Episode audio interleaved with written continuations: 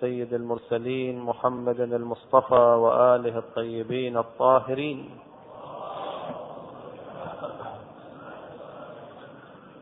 السلام عليك يا سيدي ويا مولاي يا أبا صالح المهدي. هذا يوم الجمعة وهو يومك المتوقع فيه ظهورك والفرج فيه للمؤمنين.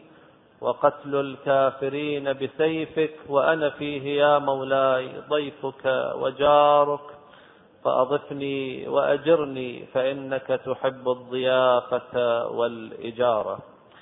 السلام عليكم أيها الإخوة المؤمنون جميعا ورحمة الله وبركاته. نبارك لكم هذا اليوم يوم ميلاد منقذ البشرية وكاشف الغمة عن هذه الأمة. مولانا وسيدنا صاحب الأمر القائم المؤمل والعدل المنتظر. صلوا على محمد وآل محمد. اللهم عجل في فرجه واجعلنا من خيار أنصاره وأعوانه والمستشهدين بين يديه. حديثنا هذا اليوم إخواني يتعلق حول الإمام صلوات الله عليه وارتباطنا وارتباطنا به من جهات شتى. نعلم اليوم كيف نتعامل مع صاحب الأمر روحي وأرواح العالمين لتراب مقدمه الفداء. حقيقة الأمر هنالك عتب على المؤمنين. عالمنا جاهلنا الكل حقيقة الأمر مقصر في حق ولي أمره وأدنى درجات التقصير أنه لا نتعامل معه كإمام حي كإمام حي يقود هذه الأمة. الإمام صلوات الله عليه نتعامل معه كما نتعامل مع أبيه الإمام العسكري عليه السلام. نحتفل اليوم بميلاده كما احتفلنا قبل أيام. بميلاد جده أمير المؤمنين في الثالث عشر من شهر رجب. كما احتفلنا من قبل بميلاد أبيه الإمام العسكري صلوات الله عليه. لا نعيش حال من حياته صلوات الله عليه. وأنه يرعى شؤون الأمة في صغير الأمور وكبيرها. كما نقل عنه في التوقيع الشريف لا يعزب عنا شيء من أنبائكم. إنا نحيط علما بأخباركم أو بأنبائكم ويقول لولا هذه الرعاية لنزل بكم اللأواء واصطلمتكم الأعداء. الإمام صلوات الله عليه لا يغيب عنا عنه شيء من أخبار الأمة. الإمام أمير المؤمنين يتألم لما يحدث في الكوفة ولما يحدث لنساء أهل الذمة في أقصى الأرض. الإمام صلوات الله عليه كيف لا يتأثر بمصائب محبيه وشيعته وأنصاره؟ علينا أن نبادله إخواني هذه المحبة هذا الاطلاع العميق للإمام صلوات الله عليه. ينبغي أن يكون هنالك حركة منا أيضا في ذكره صلوات الله عليه. من هنالك روايات كثيرة اليوم أنقل لكم فقط نموذج من الروايات التي تدعو المؤمنين في زمان الغيبة إلى الارتباط به صلوات الله عليه ارتباط وثيق كلمة انتظار الفرج مع الأسف معنى انتظار الفرج تحول إلى دعاء له في القنوت. هذا معنى انتظار الفرج. دعاء الفرج دعاء القنوت دعاء زمان الغيبة دعاء العهد دعاء الندبة جعلنا مضمون الانتظار متمثل في هذه الأمور. المنتظر من يقرأ الدعاء. المنتظر المنتظر من يكثر له الدعاء. والحال بأن هذا بأن هذه صورة من صور الانتظار وليس معنى الانتظار من خلال الحديث. نعلم من خلال الروايات هنالك باب في روايات أهل البيت عليهم السلام في معنى انتظار الفرج. قبل أن أذكر انتظار الفرج يقول قال النبي صلى الله عليه وآله وسلم ذات يوم يا ليتني قد لقيت إخواني يا النبي النبي الذي زار العرش ولقد رأى من آيات ربه الكبرى يقول يا ليتني لقيت إخواني. قال له بعض الصحابة أولسنا إخوانك؟ آمنا بك وهاجرنا معك. وتنتظر جماعة آخرين هم إخوانك. فقال صلى الله عليه وآله وسلم قد آمنتم وهاجرتم ويا ليتني قد لقيت إخواني. مرة أخرى النبي يثيرهم بنفس العبارة يقول أنتم آمنتم وهاجرتم ولكن إخواني. فقال رسول الله أنتم أصحابي أنتم أصحابي. نقول الصحابة أنتم أصحابي ولكن إخواني. الذين يأتون من بعدكم يؤمنون بي ويحبوني وينصروني ويصدقوني وما رأوني. أنتم ترون صباحا ومساء النبي يخطب يشق القمر تسبح له الحصى في يده تأتي الشجرة ماشية نحوه غزوات فتوحات بركات تنزل الملائكة في بدر. بعد ذلك أنتم إخواني أنتم أصحابي وأما إخواني أمثالكم أنتم في زمان الغيبة هنيئا لكم أنتم الذين يصفكم النبي صلى الله عليه وآله بأنكم أنتم الإخوان وهؤلاء هم الصحابة يؤمنون بي ويحبوني وينصروني ويصدقوني وما رأوني فيا ليتني قد لقيت إخواني. إذا إخواني منصب الإنسان في زمان الغيبة منصب مهم.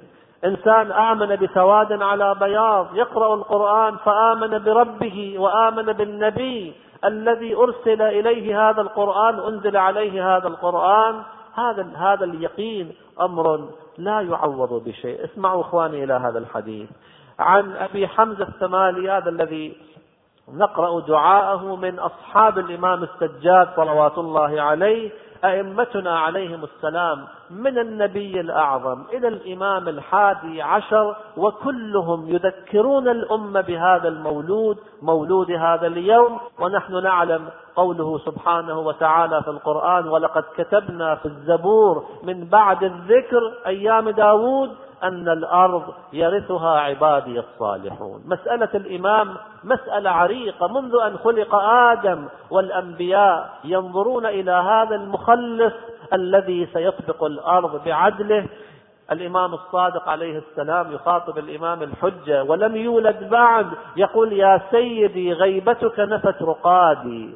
أنا في الليل ما أنام غيبتك نفت رقادي وأوصلت بي فجائع الأبد إلى آخره من التعابير المشجية. يقول رأيت الإمام رأيت الإمام يبكي بكاء الواله الثكلى وهو يتذكر زمان الغيبة وما تجري فيها من حوادث.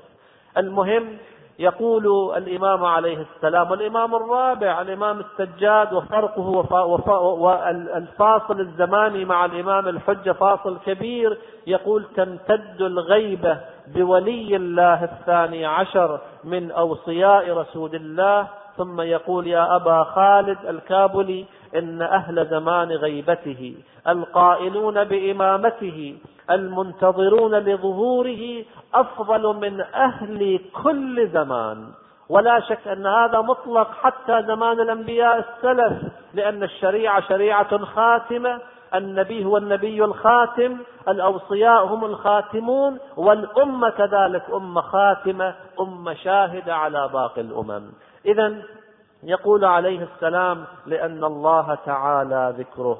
أعطاهم من العقول أنتم أعطاكم من العقول والأفهام والمعرفة ما صارت به الغيبة عندهم بمنزلة المشاهدة. وأرجو أن تلتفتوا إلى هذه العبارة. يقول الإمام هؤلاء أفضل من أهل كل زمان لأنهم آمنوا بإمامهم بعقولهم لا بأعينهم. آمنوا بالأئمة عليهم السلام من خلال النقل المتواتر من خلال البرهان العقلي أن الأرض لا تخلو من حجة. آمنوا على هذا الأساس. فيقول الإمام صلوات الله عليه يقول جعلهم في ذلك الزمان بمنزلة المجاهدين بين يدي رسول الله بالسيف أولئك المخلصون حقا وشيعتنا صدقا والدعاة إلى دين الله سرا وجهرا ثم وقال انتظار الفرج من أعظم الفرج وانتظار وعن النبي أفضل أعمال أمتي انتظار فرج الله عز وجل ما معنى انتظار الفرج أنت اليوم عندك ضيف اليوم في هذا. في هذا الإفطار أو في هذا الظهر عندك ضيف أنت من أيام وتستعد لضيافة الضيف الذي لا يشتاق إلى ضيفه أولا شوق ثم دعوة ومن بعد ذلك إعداد. هذه آداب الضيافة. الذي يأتيه الضيف وهو على حين غفلة ونايم في المنزل يعلم من ذلك أن هذا الضيف ضيف ثقيل لا يرغب في زيارته. أحدنا يدعي أنه منتظر عليه أن يشتاق إلى إمامه صلوات الله عليه. يقول السيد طاووس في خطابه لابنه كشف المحجة إلى ثمرة المهجة يقول يا بني بعض الأوقات تضيع دراهم دراهم بسيطة وتعيش القلق والهم والحزن ترى الرجل يأتي المنزل وهو في حالة عصبية لأنه مضيع ألف ألفين درهم. وأنت قد فقدت إمام زمانك فأين شوقك؟ وأين, وأين حسرتك على ولي أمرك؟ رأيتم في بعض المشاهد المشرفة أم تفتقد صبيها الصبي في الحرم على كل حال بعد لحظات يجدون الولد لصياحه وبكائه. ولكن هذه الأم تعيش حالة هستيرية معينة بأنها فقدت ابنها للحظات تعيش حالة الفقد. أين نحن من هذه الحالة؟ أين نحن من أنصاف وأرباع وأعشار هذه الحالة تجاه فقدان درهم أو درهمين؟ إخواني إذا نحن لسنا صادقين في انتظار الفرج. انتظار الفرج بمعنى أن الإمام لو ظهر اليوم بمكة وهو ينادي ألا يا أهل العالم؟ يكون أحدنا على أهبة الاستعداد أمور مصفاة مستعد لأن يهجر أموره من أجل نصرته صلوات الله عليه. هذا دعبل شاعر أهل البيت. يأتي للإمام الرضا عليه السلام والزمان مو زمان ظهور ولا زمان انتقام ولا زمان خروج. يقول يقول له للإمام الرضا عليه السلام أحب قصي الرحم من أجل حبكم وأهجر فيكم زوجتي وبناتي. هذا شعار دعبل ألم تر أني مثلاثون حجة أروح وأغدو دائم الحسرات؟ وعلى كل حال ذكر الإمام خروج إمام لا محالة. الإمام يقول نفث روح القدس على لسانك يا جعبل. ذكرت ولي الأمر نفث روح القدس على لسانك. إذا أعزائي إخواني الإنسان متى ما زاد وعيا زاد بصيرة زاد إيمانا كلما زاد إحساسه بهذا الفقد ولو تكلفا مقدمة البكاء هو التباكي ومقدمة الفقد أن نعيش حالة الفقد. دعاء الندبة في كل صباح جمعة. ألا نقرأ في دعاء الندبة؟ هل من معين فأطيل معه العويل والبكاء؟ لو أن الإنسان يندب إمام زمانه في الأسبوع مرة واحدة قطرة دمع على فراقه أنت بخير وأنت بألف خير. يستفتى أحد مراجع التقليد عظنا موعظة عظنا نصيحة رأيت الاستفتاء بعيني أحد خواص تلامذته يقول عظني موعظة يقول يا فلان اجعل لك في اليوم دقائق دقائق ناجي فيها إمام زمانك ناجي فيها ولي أمرك. أعزائي إخواني البركات المادية البركات المعنوية تريد مالا توسل به لأنه بيمنه رزق الورى وبوجوده ثبتت الأرض والسماء. لولا الحجة لساخت الأرض بأهلها. بركات الأرض استقامة الأفلاك دوران الشمس والقمر كل ذلك ببركة هذا الموجود الذي يعبد ربه صباحا ومساء ويحج بيت ربه الحرام ويزور جده الحسين ويحيي مجالس أجداده ويصوم شهر رمضان ويعمل ما يعمل. هذا الموجود المبارك بيمنه رزق الورى وبوجوده ثبتت الأرض والسماء. اذا تريد مالا سله ذلك. هو الباب. نقرأ في دعاء الندبة أين باب الله الذي منه يؤتى؟ هؤلاء أبواب الله عز وجل. تريد الوجاهة المعنوية والدرجات الكمالية أيضا. أين وجه الله الذي إليه يتوجه الأولياء؟ تريد بابا للرزق؟ قلنا قبل قليل. تريد الكمالات المعنوية كذلك. نقول أين وجه الله الذي الذي يتوجه إليه الأولياء؟ الإمام صلوات الله عليه تعرض على يديه مقدرات الأمة في منتصف شهر شعبان ليلة القدر هذه. وبعد ذلك في ليلة القدر الكبرى تنجز الأمور وتبرم فعلينا أن نلتفت إلى ذلك. قدموا له الشكوى في كل صغيرة وكبيرة. هؤلاء الشفعاء إلى الله عز وجل مطلعون على كل أسرار الأمة والأفراد. الإمام صلوات الله عليه يقول لولا أن هذا تكليف على الإمام لكنا عن مخاطبتكم في شغل. الإمام له همومه له مصائبه له عالمه الخاص. أنت إذا لم تتوسل بولي أمرك الإمام شأنه شأن رب العالمين في هذه الجهة. قل ما يعبأ بكم ربي لولا دعاؤكم. ما يعبأ بكم ربي لولا دعاؤكم الإمام كذلك لا يعبأ بك لولا دعاؤك ونداؤك. الآن كيف نذكره؟ هذه قضية وجدانية إنسان يقدم صدقة باسمه يشتري هدية لأولاده باسم صاحب الأمر يسمي أولاده باسم باسمه صلوات الله عليه المهدي والصاحب والصالح وما شابه ذلك يتحبب إلى ولي أمره كيفما شاء. في أول كل شهر يدفع الصدقة باسمه يصلي صلاة أول الشهر لاسمه صلوات الله عليه يكثر من ذكره في قنوته في تعقيباته. المهم أن نعيش حالة وجدانية تجاه صاحب الأمر صلوات الله عليه وهو إخواني قريب منا جدا. استمعوا إلى هذه المقالة. لا بأس أن يتمنى الإنسان لقاء ولي الأمر في زمان الغيبة. مو هو يكون همه الشاغل. إذا ما رأى الإمام فكأنه لم يقبل. لا هذه أمنية. أمنية يعيش الإنسان هذه الأمنية. نقرأ في دعاء العهد كل يوم. اللهم أرنا الطلعة الرشيدة والغرة الحميدة. عين عين الإمام إذا وقعت على بشر على موالي هذا الإنسان ينقلب رأسا على عقب. عين الله الناظرة ويده الباسطة. الإمام نظرته نظرة تغير واقع الإنسان. مر الإمام يمشي في الأسواق ويرى البشر لا قيمة لهذه النظرة. أما إذا كان الإمام يأتيك وينظر إليك وأنت في طواف أو في سعي أو في صلاة أو في مناجاة هذه النظرة تحييك. هذه النظرة تضمن لك سعادة الأبد. وما في داعي الإمام يحضر معك في المجلس؟ هو في أينما كان برضوى أو غيرها أو ذي طوى ينظر إليك. النظرة الإشراف الرعاية الدقيقة. اسمعوا لهذا الحديث الذي ننقله من هذا الكتاب الشريف. انظروا إلى تعامله مع المؤمنين. يدخل المساجد. بعض الأوقات ما يصلي في المسجد لما سنذكره قبل قليل. يقول حدثني السيد مرتضى النجفي وهذه قصة يذكرها المجلسي عن يذكرها يذكر في هذا الكتاب الشريف. اسمعوا لهذه القصة. يقول وكان معروفا عند علماء العراق بالصلاح والسداد. صاحبته سنين سفرا وحضرا فما وقفت منه على عثرة في الدين. قال كنا في مسجد الكوفة والكوفة والسهلة من المواطن التي يزار فيها صلوات الله عليه وطالما عثر على وجوده الشريف وهو يعبد ربه في تلك المواطن.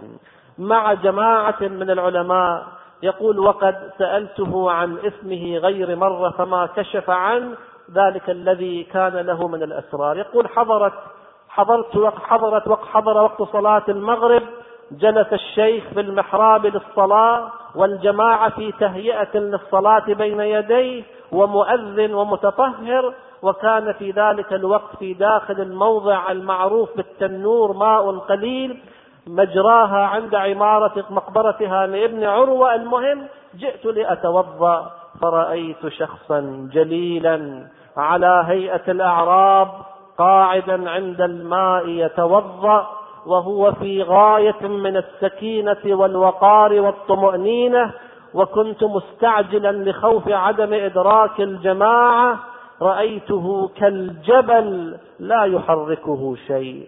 قلت وقد أقيمت الصلاة ما معناه لعلك لا تريد الصلاة مع الشيخ. أعاتب هذا الأعرابي يقول لما لا تستعجل؟ أدرك صلاة الجماعة. أردت بذلك تعجيله فقال لا لا أنا لا أريد أن أصلي جماعة. قلت ولم؟ قال لأن هذا الشيخ شيخ دخني. هذا الشيخ يفكر بالسمسم. دخن نوع من النبات الصغير على كل حال نبات لا قيمة له كثيرا. المهم يقول هذا الشيخ شيخ مثلا سمسمي قمحي شعيري. قلت ما معناها؟ فما فهمت مراده. فوقفت حتى أتم وضوءه. فلما قضيت الصلاة وانتشر الناس وقد ملأ قلبي وعيني هيئته وسكونه ذكرت لإمام الجماعة ما جرى. أعرابي قال هذا الشيخ شيخ دخني هذا الشيخ ما يصلح لي معنى ذلك أنه ما يصلح لإمامة الجماعة. يقول تغيرت حال تغيرت ألوانه تغير حاله وصار متفكرا مهموما. قال قد أدركت الحجة صلوات الله عليه وما عرفته وقد أخبر عن شيء ما اطلع عليه إلا الله سبحانه وتعالى. أعلم أني زرعت الدخن هذه السنة زرعت هذا النبات في هذه السنة. محل خوف وخطر من جهة أعراب البادية. فلما قمت إلى الصلاة دخلت فيها ذهب فكري إلى زرع الدخن. هذه السنة هذه الدخنة تنبت لا تنبت. أعراب البادي يصادرون زرعي ما يصادرون زرعي. وأهمني أمره فصرت أتفكر فيه وفي آفاته. فالإمام علق هذا الشيخ شيخ دخني لا أصلي وراءه المهم إخواني. هذه هذا اطلاعته على أفكار المصلين. شيخ يصلي جماعة في محراب وهو يفكر في زراعته. الإمام يتألم لما هو مشغول فيه. إذا إخواني هذه الرعاية الدقيقة لصاحب الأمر صلوات الله عليه. ما دام الأمر كذلك ألا ينبغي أن نعيش حالة من التوجس والخيفة إذا حل غضبه على إنسان. على إنسان إلى الإمام لم يرتضي إنسانا مؤمن أو مؤمنة فأين له النجاة صلوات الله عليه. يأتي ذلك اليوم يقول والله يا مفضل اسمعوا إلى إمامكم الصادق كيف يصف الإمام وزمان خروجه. يا مفضل كأني أنظر إليه. وقد دخل مكة وعليه بردة رسول الله صلى الله عليه وآله وعلى رأسه عمامة صفراء وفي رجليه نعلى رسول الله. يصل إلى البيت ويظهر وهو شاب فدته شباب الأرض الذي يظهر أمام الكعبة يقول قال المفضل يا سيدي فمن, فمن أين يظهر وكيف يظهر؟ قال يا مفضل يظهر وحده ويأتي البيت وحده ويلج الكعبة وحده ويجن عليه الليل وحده فإذا نامت العيون وغسق الليل نزل إليه جبرائيل وميكائيل والملائكة صفوفا فيقول له جبرائيل يا سيدي قولك مقبول وأمرك جائز فما تريد؟ آن زمان الظهور آن زمان الخروج ما تريد؟ فيمسح يده على وجهه ويقول الحمد لله الذي صدقنا وعده وأورثنا الأرض نتبوأ من الجنة حيث نشاء فنعم أجر العاملين بعد ألف وأكثر من السنوات الانتظار يمسح يده على وجهه ويشكر الله على هذه النعمة ويقف بين الركن والمقام. فيصرخ صرخة يقول يا معاشر نقبائي وأهل خاصتي ومن ذخرهم الله لنصرتي قبل ظهوري ائتوني طائعين هلموا إلي. أنتم المنتظرون؟ هلموا ائتوني طائعين. فترد صيحته فترد صيحته عليهم وعلى محاريبهم وعلى فرشهم في شرق الأرض وغربها فيسمعون في صيحة واحدة في أذن كل رجل فيجيئون حتى يكون كلهم بين يديه بين الركن والمقام. فيأمر الله عز وجل نورا النور فيصير عمودا من الأرض إلى السماء ويدخل عليه نور من جوف بيته ثم يصبحون وقوفا بين يديه ينتظرون منه الأمر لتنفيذ أوامره. ولكن ولكنه صلوات الله عليه لما يظهر أول برامجه قبل أن يبشر الأرض لعله بالفرج يذكر مصائب أجداده. لا أدري ما هذه المصيبة التي في الواقع عشعشت في قلب صاحب الأمر حتى أنه في زمان ظهوره يتذكر مصائب أجداده. لا ترى لا وحق علاها البعض يستغرب أن في أيام المواليد هذا بكاء الشوق. ما يتنافى الإنسان يبكي شوقا إلى أوليائه وخاصة هذا الولي المغيب. لا ترى اتخذت لا وحق علاها بعد بيت الأحزان دار أو بيت سروري يستند إلى جدار الكعبة وينادي ألا يا أهل العالم أنا موتور. أنا مصاب بأجدادي بآبائي من أوائل برامج الفرج والظهور أن أنتقم لهذا الشهيد الذي قتلوه. ألا يا أهل العالم إن جدي الحسين قتلوه عطشانا. هذا القتل ينبغي أن ينتقم منه هذا الدم مو دم هين على رب العالمين. دم ولي الله يراق بهذه الكيفية وبحال العطش. الإمام ألف عام وهو يبكي صباحا ومساء حتى اليوم يوم ميلاده صلوات الله عليه. لا يقطع برنامج بكائه ما الداعي لأن يقطع؟ ما الجديد؟ ما الجديد حتى يقطع بكاءه على جده صلوات الله عليه؟ لأبكين عليك بدل الدموع دما حتى أموت بلوعة المصاب وغصة الاكتئاب. ألا يا أهل العالم إن جدي الحسين طرحوه عريانا. ألا يا أهل العالم إن جدي الحسين سحقوه عدوانا. ولا يزال ينادي وينادي حتى لا أدري ما حالته وهو ينادي جده بهذه الكلمات. إخواني لا نريد أن نبكي هذا اليوم كثيرا. المهم من ذرائع النجاة والتودد إلى صاحب الأمر أن تتقرب إليه في جده الحسين صلوات الله عليه.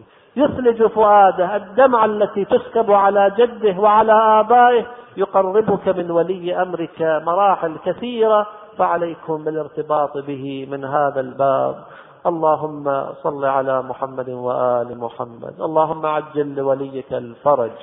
والعافية والنصر واجعلنا من خيار أنصاره وأعوانه. اللهم أنت السلام ومنك السلام ولك السلام وإليك يعود السلام. أبلغ تحيتنا في هذا اليوم إلى مولانا صاحب الأمر. اللهم اردد إلينا منه السلام. واجعلنا من خيار أنصاره وأعوانه. اللهم انصر من نصر الدين واخذل من خذل المسلمين. وإلى أرواح المؤمنين والمؤمنات نهدي ثواب الفاتحة مع الصلوات. إخواني أخواتي هذه الليلة على كل حال البارحة أحيينا الليل الحمد لله ولكن احتياطا الليلة أيضا نحيي ليلة النصف من شعبان. هذه الليلة أفضل ليلة بعد ليلة القدر. ما أيسر ما نطلب في ليلتين يقول الواحد البارحة أحييت وخلاص هي البارحة أكيد ليلة النصف من أين تعلم أن أكيد؟ الرؤية هذه السنة مختلفة. بلاد لم تعمل بالبارحة أبدا وبعض البلاد مختلفة. الإنسان الذي يحب أن يحوز على المنافع الكبرى يحتاط. هذه الليلة أيضا نحيي فيها ذكر الإمام وأعمال هذه الليلة. طبعا في برنامج الاحتفال تسعة ونص يرجى من الإخوان الحضور حتى ننهي الحفل حتى يمكن الإحياء أيضا. وبعد الاحتفال مباشرة إن شاء الله حدود الساعة الثانية عشر تقريبا الحدود إن شاء الله نأتي إلى هذا المسجد لنحيي أعمال هذه الليلة. على كل حال الليالي تذهب والأيام تذهب في ذكر أو في غير ذكر. هذه الليلة أو البارحة له دور كبير في ليالي القدر. وليلة القدر لها دور كبير في حياتك في السنة بل في العمر.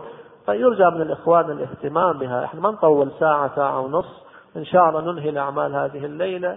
نزور الإمام. وإحنا لاحظنا إحنا قلنا للجماعة البارحة صلوا صلاة الليل بعد الأعمال. أدري اللي ما يصلي بعد ما يصلي وبالفعل كثيرين ما صلوا صلاة الليل. الجو الجماعي جو آخر. لما يصير بعض الإخوان صلوا أدوا أعمال ليلة النصف. قبل المسجد. ولما جاءوا إلى المسجد أعادوا العمل ورأوا الفرق بين العمل الجماعي وبين العمل في البيوت في زوايا البيوت. يرجى من الإخوان المشاركة في إحياء هذه الليالي. إذا الله عز وجل استجاب استجاب دعاء أحد الحاضرين ببركة ذلك يستجيب للمجموع. كما قلنا إخوان الليالي المباركة في السنة أربع خمس ليالي. ليلة المنتصف عندكم ليلة العيد ليلة عيد الأضحى. المنتصف من شهر رجب وليالي القدر مو ليالي كثيرة نحاول أن نهتم بإحياء هذه الليالي المباركة إن شاء الله الليلة أيضا بعد الاحتفال في المسجد نحيي إحياء مختصر يرجى من الإخوان المشاركة والحضور ونسأل الله لكم التوفيق لصالح الأعمال إنه سميع مجيب وآخر دعوانا أن الحمد لله رب العالمين.